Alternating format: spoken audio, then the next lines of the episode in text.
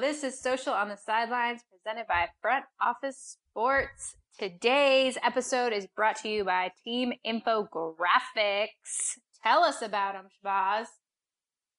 Well, Team Infographics supplies any team that needs it, or even if they don't need it, they will still supply you with fire digital content needs.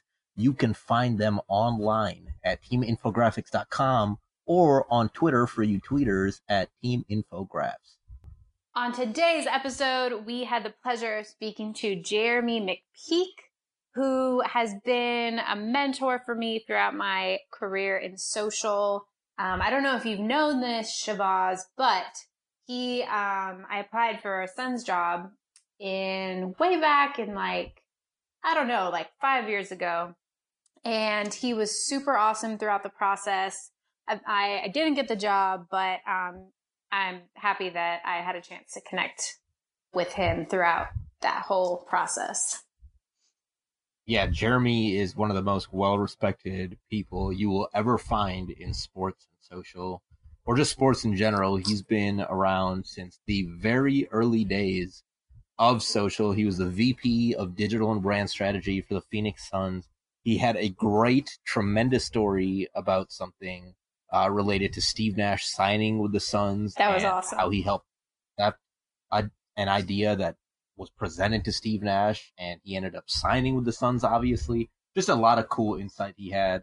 Uh, and he's just like all over the place in a good way in terms of stuff he's done. He's worked for the Super Bowl committee. He has uh, endeavors with the XFL, so he's running the XFL social uh, pages, which for those who don't know, the XFL was a previous previously run football league back in the early 2000s, and now it's coming back in 2020, run by Vince McMahon or Vince McMahon. I don't know. I don't watch wrestling, man.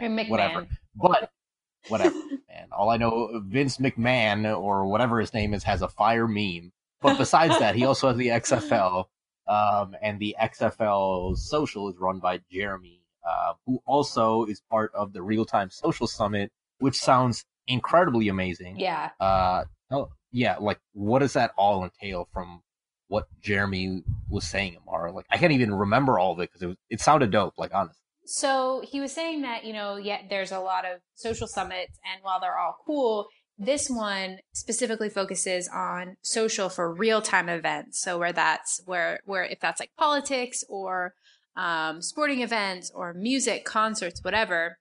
And the list of speakers that he has for this event is like insane.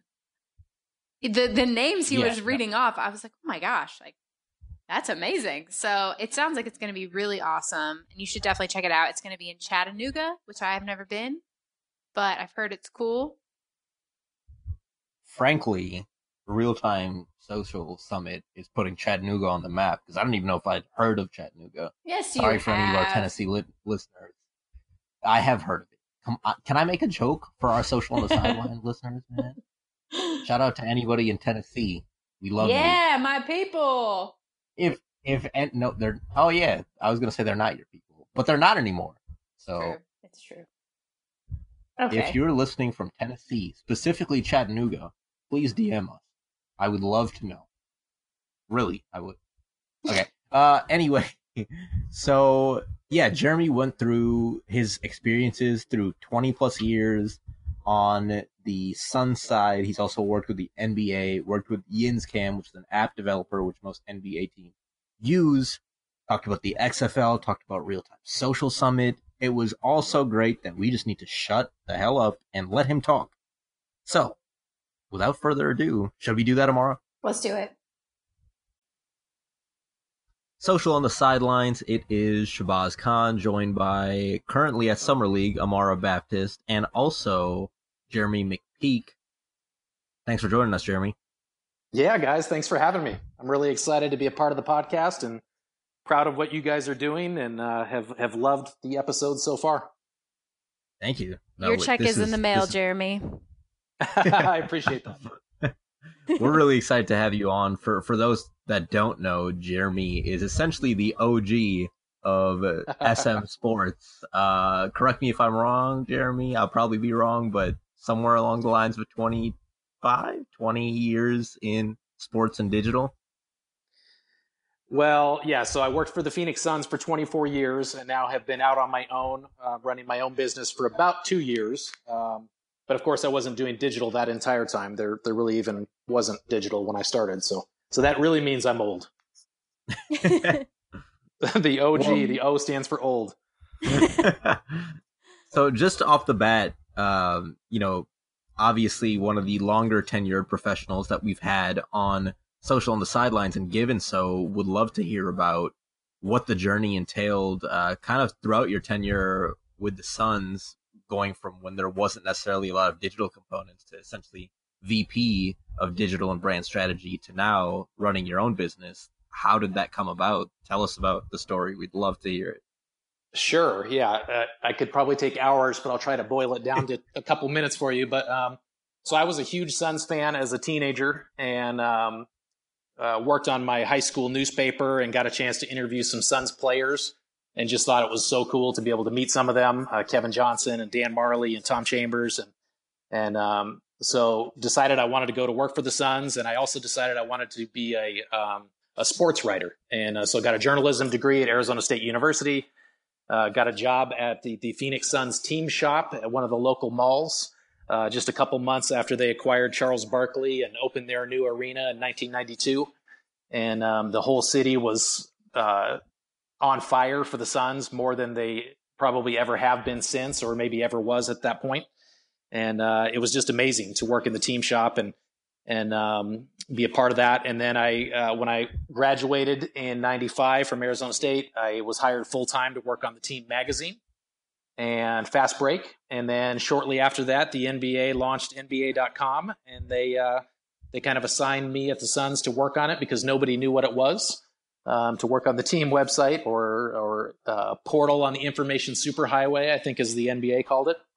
And um, so I just kind of grew up with it. Really, um, I've always loved storytelling and reporting and content, and um, and I guess that kind of passion just transferred over to online and, and working on the website and then eventually email newsletters and and video and then live video and, and then social media and mobile apps and so i've just kind of grown up with it really i was uh, you know blessed to be i guess at the right place at the right time and um, really fell in love with that that digital form of storytelling and then probably gosh about six or seven years ago now um, I was asked to do some uh, consulting to help um, a couple brands with their social media. And they didn't really know what they were doing, and um, got a chance to work with the NFL Players Association and kind of help them get started for three seasons, um, just in my spare time while I was still at the Suns. And uh, and then I was asked to run social media for the Arizona Super Bowl committee. And uh, again, while I was still at the Suns, they uh, the committee asked for the Suns' blessing to let me do that. And so to my wife and family's chagrin, I was probably working 80 hours a week doing two jobs at the same time. And, uh, but absolutely loved it. I loved the consulting. I loved working with different brands and, and kind of taking the knowledge that I had gained at the Suns over the years um, and uh, using that to help others kind of grow in the same space. And so eventually um, that kind of bug was planted. And eventually I decided to go out on my own in late 2016 and, and uh, give it a shot doing this full time. That's, That's amazing. Awesome. Um, so obviously you've been in the business for, you know, a while and things have changed. How have you seen digital and social evolve throughout the years? Wow, I mean, it's it's evolved so much. Obviously, um, you know, when we started uh, with Suns.com and the NBA.com, it, we you'd occasionally put up an article, you know, once a month, and usually it was an article that came from your print magazine um, or publication, and um, you know, it just evolved to, you know, eventually we were able to put up really short video clips that were about the size of a, a postage stamp and it uh, was really grainy and lasted about five seconds long. And then eventually we could start to do stuff kind of in real time. And at training camp in 2000, I remember was the first time that we were taking pictures on a digital camera that used floppy disks. And uh, we're able to go back to the team hotel and put those pictures on the website the same day. And fans were looking at it the same day. And it was kind of eye opening. It was like, wow, people, you know, they want this information right now, and and um, this this totally changed uh, the way we did things. And we eventually uh, canceled our print magazine and uh, put all of our efforts toward the website. And 2004, we signed Steve Nash and we uh, teamed up with a local vendor here in Arizona and we're able to live stream it. And uh, that's the first time we'd ever done anything live. And uh, so things just keep changing. And obviously, they're still changing today. You know, in 2008, I guess, we got on uh, Twitter and, and Facebook. Um, and at the time, you were just putting up short text um, updates on what was going on. And of course, today you're able to do live video and long form video and um, you know all the different kinds of features of all the different channels that just keep changing seemingly monthly. Um, so yeah it's evolved fast and continues to evolve faster and faster the more we go on. So throughout this journey of course you alluded to the fact that a lot of things were kind of evolving rapidly. And given so uh, given your position at the suns of course, you were probably responsible for a lot of innovating. So, how would you recommend and and how did you go about learning essentially on the fly with all these new tools and platforms and strategies um, that have continued to evolve throughout the years? Yeah, you know, I, I loved that challenge when thing, new things would pop up. I loved trying to figure them out, see how we could use it, see how we could take advantage of it. And we jumped into a lot of things um, trying to be first all the time. We kind of thrived on that, and um, I think in some instances that that helped us because we kind of got out ahead of the curve, and then in other instances it just was a total waste of time, and we um, you know spent time trying to get these channels launched that six months or eight months later were pretty much dead. Um, so it um, it is it is a challenge, and I know it still is a challenge for teams and and social media managers and directors and digital um, leaders um, with teams and properties and brands. But I think the biggest thing is to be open minded, to not dismiss things out of turn. Um, like you know, we dismissed Snapchat initially because we had we had been kind of I won't say burned, but we had gone down the road of so many different uh, platforms that had come along from Tout to Telly to Foursquare to Google Plus to you know all these different channels that came up that we decided to, to launch on and, and kind of eventually fizzled out that when snapchat came along we thought oh that's why would anybody use that? That doesn't make sense. Pictures disappear in 24 hours. Why would why would we want to do that? Um, and of course we were wrong there. So i guess the biggest thing i would say is to be open-minded to to experiment with things try things see how they work but also kind of see what other people are doing too because you can really learn from from others in this industry. I don't think there are any experts. There's a lot of creative people, and we're all trying different things at different times. So I just try to uh, still today. I just try to learn from other accounts and and other smart people like yourselves, and um, just continue to keep growing. That's awesome. Um, so a lot of people I think that listen to this podcast are trying to get into sports. So over the years, what have you seen? Um, you know, hiring social media digital people. What do you look for in the industry out of like young professionals? It's a good question. I'm actually teaching a digital sports strategy class at Arizona State now, and I, I'm uh, I talk to the students a lot about this. Um, you know, the biggest thing I think I learned I, I looked for was somebody who had experience. Um, even if it was kind of an entry level position, I was always looking for somebody that had had um, tried to get experience either with their own social media channels or with volunteering or interning somewhere while they were in school. Um, you know, you can get straight A's at a really good school, but if you have no experience coming out, it's going to be really tough to get a job. So um, that's the biggest thing I tell young people is to get that experience, volunteer as many different places as you can, even if you're not being paid for it. It's uh, that experience is invaluable, and that networking is invaluable. Um, but I tried to look. I tried to look for people that had um, kind of were versatile and could do a number of different things, and it really depended on the position. You know, at our at the Suns when I left, I think we had 13 employees, and they all kind of had different roles. There was you know social media people, there was video producers, there was bl- writers and bloggers, there was coders and graphic designers. Um, so I, I kind of tried to hire people that really had the experience for one of the roles, but also might be able to pitch in and help in another role in an area if uh, if we needed it. Um, and uh, so I, I, I guess that kind of answers the question. But I would say probably the biggest mistake I ever made in hiring, and I hired a lot of people over the years, but the biggest mistake I ever made was not hiring you, Amara. Um, so I want to say that pub- publicly. Oh my god! you were fantastic, and at the time, I knew you would be fantastic at social media, but I kind of got caught up with thinking I needed someone that could fill multiple roles at the same time, and and uh, regretted it almost immediately, and ever ha- have ever since. So you're amazing, and I'm glad to see how much success you're having now. Well, thank you. I was just going to say, you know, you have been like a mentor to me because you were one of the first people that actually really, you know, wanted to take a chance on me. I was working at Fox and wanted to get into the NBA, and um, I was actually going to give you a shout out, but I appreciate the shout out first. I beat you to it. Just want to let you guys know that today's episode is supported by the University of Miami's online graduate sport administration program. It's a top ranked graduate program with a highly respected reputation among employers. Am I right, Amara? Yes, and it's designed with your schedule in mind and would offer you the flexibility needed for professionals looking to break into or advance in the sports industry. Be sure to check out the program at www.miami.edu Efficiencies that we might not have experts per se in.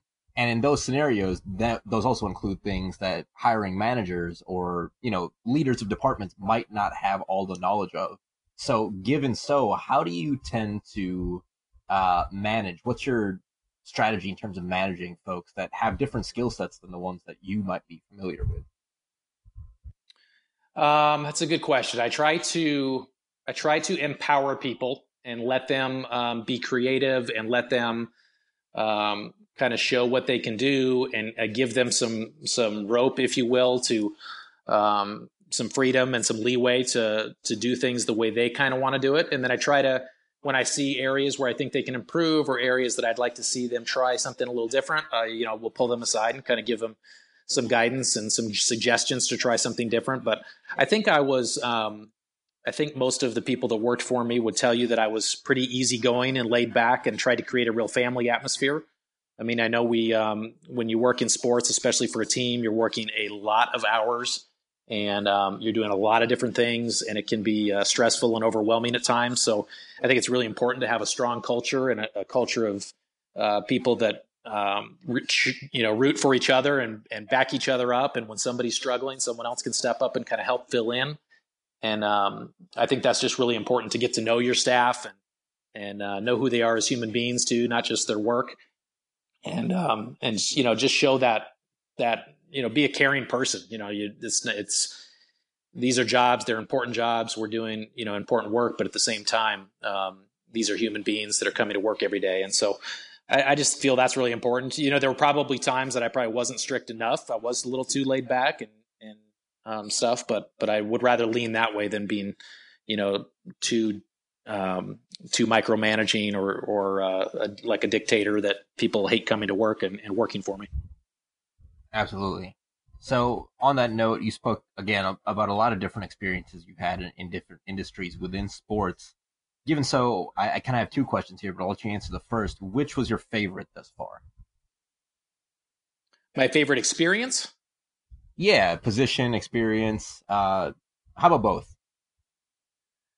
Um, boy, that's that's a tough one because I I've because I am old and have done so many things.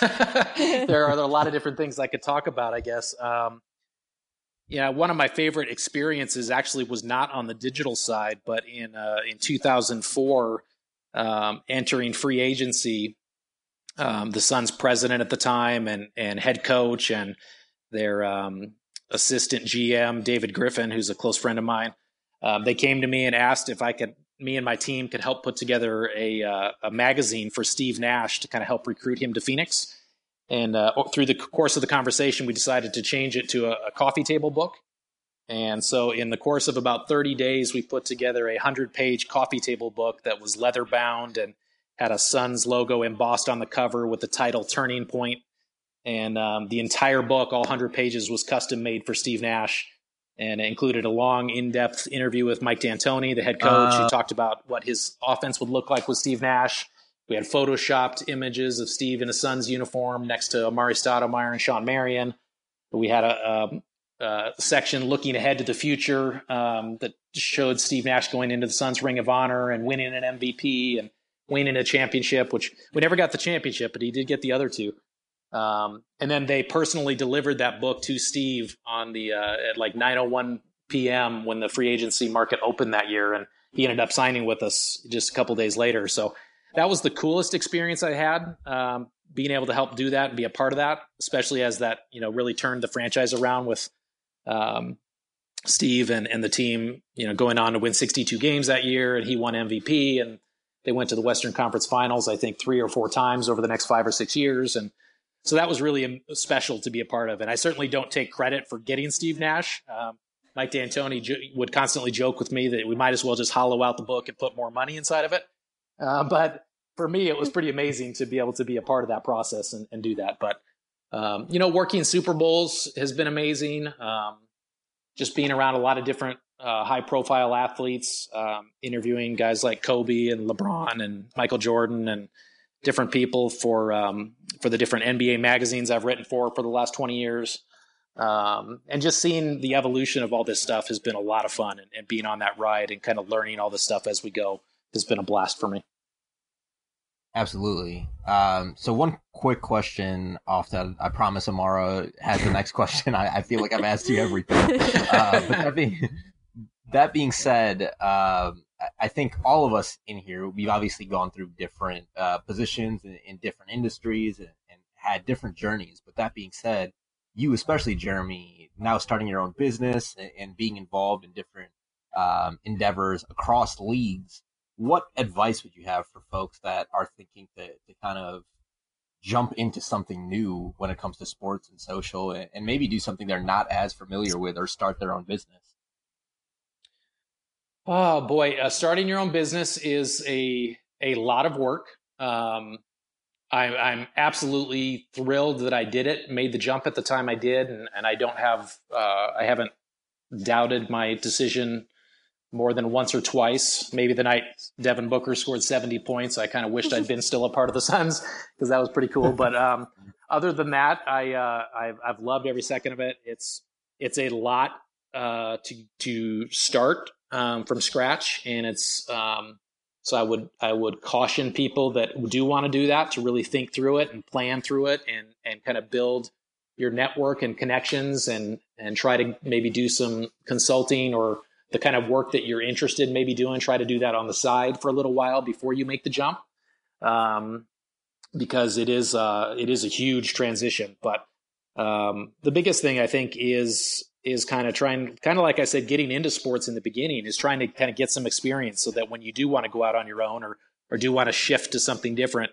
you're not just doing it completely cold. You've done it a little bit on the, even if it was on the side. Um, so you, you can have that experience and tell people that, Hey, I've, I've done a little bit of this and I really would like to do more of it. Um, which will help you as you make that transition and, and kind of work your network to, to find people that can help you open some doors to uh, get that additional uh, work that you want to move into. For sure. Awesome. Thank you for sharing. So, obviously, you know, working in the NBA, long hours, especially in social digital, you're kind of always on. Um, I know recently they've, you know, a couple people have been coming out with, you know, they've been burned out and um, kind of just the job has kind of lost its allure, I guess, because they're just so exhausted. Two questions. Have you experienced that ever? And if so, how did you get out of that? And how, as a manager, um, did you kind of help your employees uh, navigate that?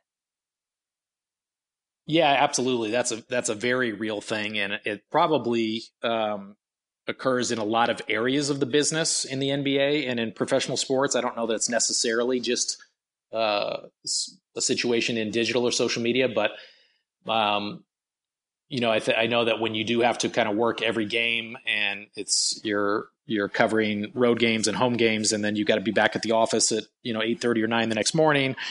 Um, it's tough, especially you know when you have a, a, family at home and and they are missing you and wondering why you're working so much. It, it can be a challenge for sure.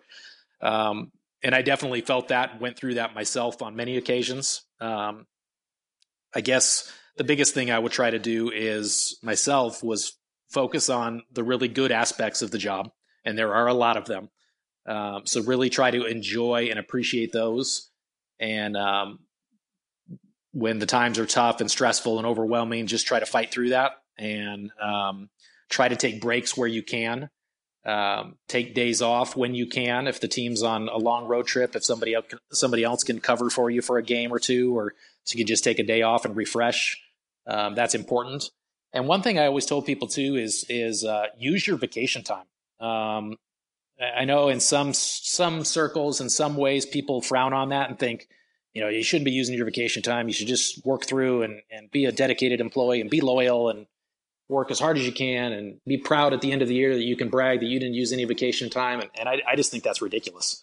Um, you know, if, if you give up vacation time, you're giving up, you know, money. That's part of your that's part of your uh, reward for working there is the vacation time along with the, money and the benefits. So so use it. Use that to recharge, to spend time with your family, to spend time with your friends.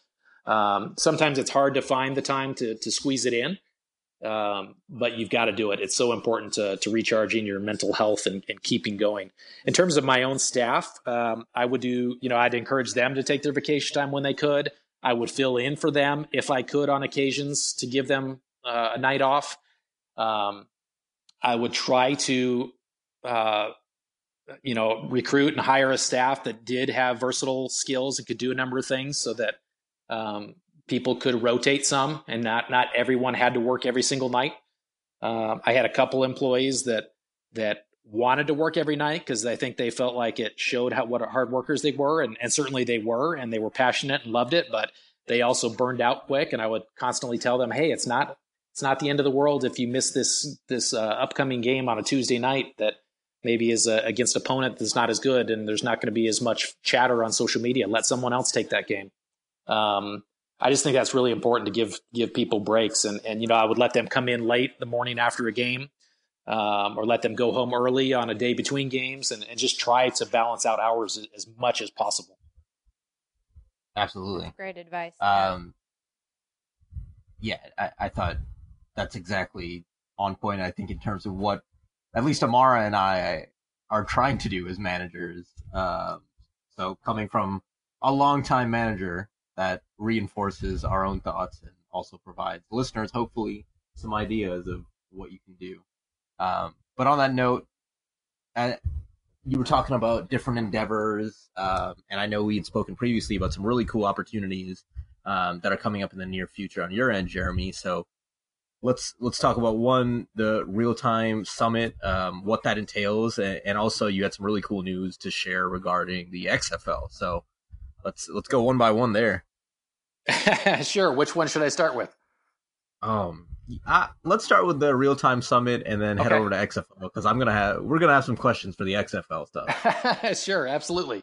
Yeah, so I'm really excited about the real time summit. It's a uh, first of its kind social media conference. And I know there are a lot of different social media conferences out there, um, but this one is focused entirely on social media for live events. Um, for for those people that work uh, covering you know sports games, um, producing content in real time, covering uh, the news, breaking news around the world. You know the media has to deal with social media and use social media to get that news out immediately and has to figure out what the balance is between getting the facts right and reporting on what they're seeing, um, the politics scene and how they're using social media in real time, uh, weather, entertainment, music, um, all these different fields are using social media in real time, but there really isn't an event out there that is focused on that.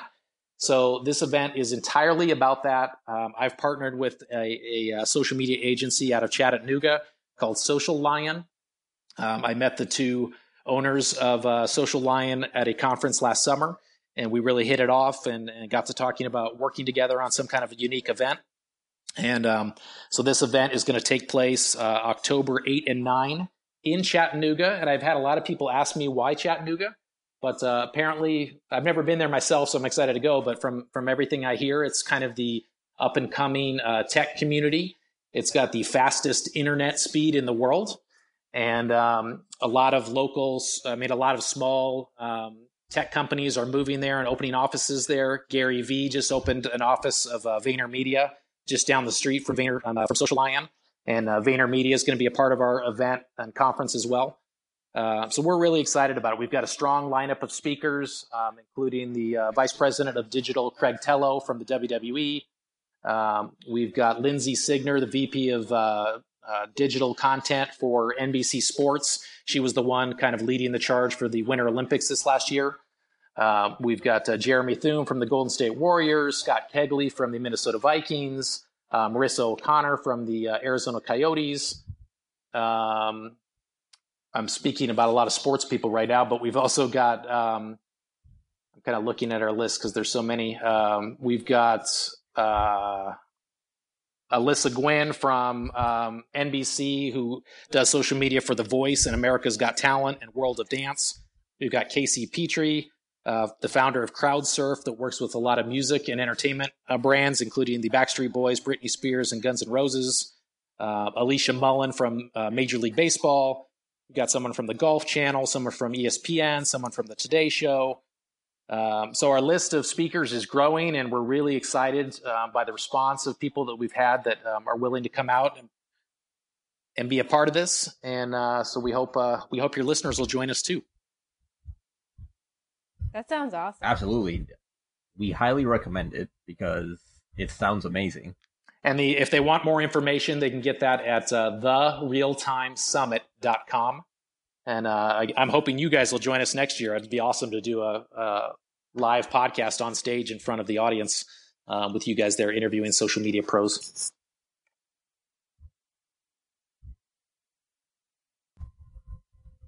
Absolutely. Um, so now on to the XFL. Uh, talk a little bit more about that. It's kind of in its infancy in terms of restarting, but it's been around before, and that's a unique area for you to uh, be a part of. So, what does that entail on your end? Yeah, absolutely. So, I just teamed up with the um, the XFL about six weeks ago, and am really excited about it. Um, I'm kind of uh, a part of their initial launch team.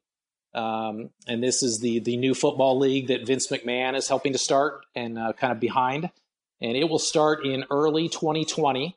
So right now we're doing a lot of uh, social media engagement, kind of asking football fans uh, what they would like to see in a new league. What rule changes would they like to see? Uh, what would they like to see, you know, done with with overtime and with uh, field goals and with um, what day of the week should the games be played? What color should the football be? uh, Vince McMahon really uh, wanted the focus of this new league to be about fans, and for this to be a league that's that's a faster league, faster game, that's um, fun, that's family friendly, and he really wants fans to be invested in it. So that's really our focus right now on social is uh, getting fans involved and, and get it, finding out what it is they would like to see in a new football league. Um, and then in the near future, they will be announcing the uh, the eight home cities that the uh, league will start with in 2020. And so I'm excited to be a part of that as well and kind of um, get uh, the fan bases in those eight markets um, excited and engaged and involved and rallying behind their new teams. And um, we'll start to, I'm sure, ask fans what the uh, logo should look like, what the team name should be, what the uniform should look like. So really, it's it's very uh, much about fan engagement. And of course, my uh, my experience in um, not only the NBA but in uh, in pro football um, I think is going to come in really handy um, as I work with uh, the the organizing group and the uh, Oliver Luck is the commissioner and CEO of the league. Um, he's a uh, former uh, NFL player himself and the father of Andrew Luck, and um, uh, was the president of uh, NFL Europe and worked for the NCAA in a high role. And, is, and so he's now leading the charge of this league and bringing a lot of great football minds together to kind of uh, reimagine the game of football. And so I'm just excited to be helping uh, kind of manage their social media and, and help with their, their digital strategy leading up to the kickoff in early 2020. That's awesome. Uh, super excited to see you being a part of it and, and two, kind of what that game is going to entail, but a little bit more curious on the digital front. How important is it, uh, you know, from a leadership level what has been instilled in your end or, or communicated in terms of uh, how important digital is to the reopening of this league? I think it's going to be critical. It's going to be a huge piece of it. Um, you know, the XFL was around for for a season in 2001, and the world has completely changed since then. You know, there was no uh, Facebook, Twitter, Instagram back in 2001, and um, there wasn't live streaming, and And um, so there's all these new ways to communicate with fans and promote the game and market the game and get fans involved and distribute content and offer exclusive content. So digital is going to be a huge piece of this league, and um, I think they're going to rely on it heavily, not only to to uh, get fans involved and get them engaged, but to also um, give them an inside look into what's happening in the league. A lot like other leagues do, but I think um, digital is going to be you know a focal point of the XFL in 2020 and beyond. As it should be, I absolutely. Believe. But um, finally, just just to end uh, the session today, um, any final last words of advice you have for the folks listening? Um, you know, I think I'm kind of probably trying to. I, am starting to uh, repeat myself, but I think it's just important to to grow and to try new things and to experiment and um, learn from others. Um, like you know, like I said, I I've been doing this for I've been a, a, part of digital now for 20 plus years, and um, I'm still learning every day and every week. Um, you know, I'm not an expert. I've got a lot of experience, and I, I think I'm creative and and uh, am am able to apply that in a lot of uh, valuable ways for the different clients I'm working with. But um, you've got to be open to keep growing and don't don't feel overconfident. Don't feel like you know it all. Um, and try to learn from others. There's, like I said, there are so many smart people out there that are doing amazing things in digital and sports, and um, we can all learn from each other. And um, so it's important to network and connect and learn and watch and be open minded and and just try new things and uh, both in social media and in your and in your own career too. Don't don't necessarily get locked into doing one thing. Um, try to do a lot of different things. You know, I'm right now I'm I'm teaching a class. I'm I'm consulting. I'm managing content. I'm I'm doing PR work. I'm doing a lot of public speaking. I'm writing for magazines. So I'm really trying to um, spread myself out and do a lot of different things. And they're all things I love. And it kind of keeps me energized too, because I'm not doing the same thing every single day. Um, I'm always doing something different. And I think that's uh, really important for people um, to keep mentally sharp and, and to, uh, to continue to grow and, and enjoy what they're doing. Absolutely. I, I personally think you're doing a great job in spreading yourself out because these sound like a million different endeavors and a million different uh, fields of expertise, which Amara alluded to it as well, but obviously somebody that people in sports in general should look to for advice. And I and Amara personally both think you do an amazing job with with what you've done and what's coming up. So uh, appreciate all your time. If anyone needs to reach out to you, where can they find you at? Yeah, absolutely. Um, they can find me, of course, on social media. Uh, all of my social handles are just my first name, Jeramie, J E R A M I E. That's uh, Jeramie on Twitter, Facebook, and Instagram. And um, so I'm always always open to meeting new people and talking about social media and sharing my experience. So if anybody has any questions or wants to reach out, by all means, uh, please uh, hit me up. Awesome. Thank you for your time today and uh, looking forward to the real time summit and all of what that entails. Thank you guys. Appreciate you having me on. And again, I'm so happy for you and all your success, both with your your individual teams and with the podcast and and front office sports and team infographics. I love what you're doing and uh, can't wait to listen to future episodes and li- learn from more of your uh, your guests in the future. Thank you so much. Guys, thank you for listening to today's episode of Social on the Sidelines, presented by Front Office Sports with help from our friends over at Team Infographics who support our every single episode. What great people over there. What do they do, Amara? There's some great folks over there making us some fire graphics content and make sure to check them out on Twitter at Team Infographs or you can contact them at teaminfographics.com. Yes, you can. And if you don't, and if our read of Team Infographics isn't stuck in your head every day, we're disappointed, but not surprised.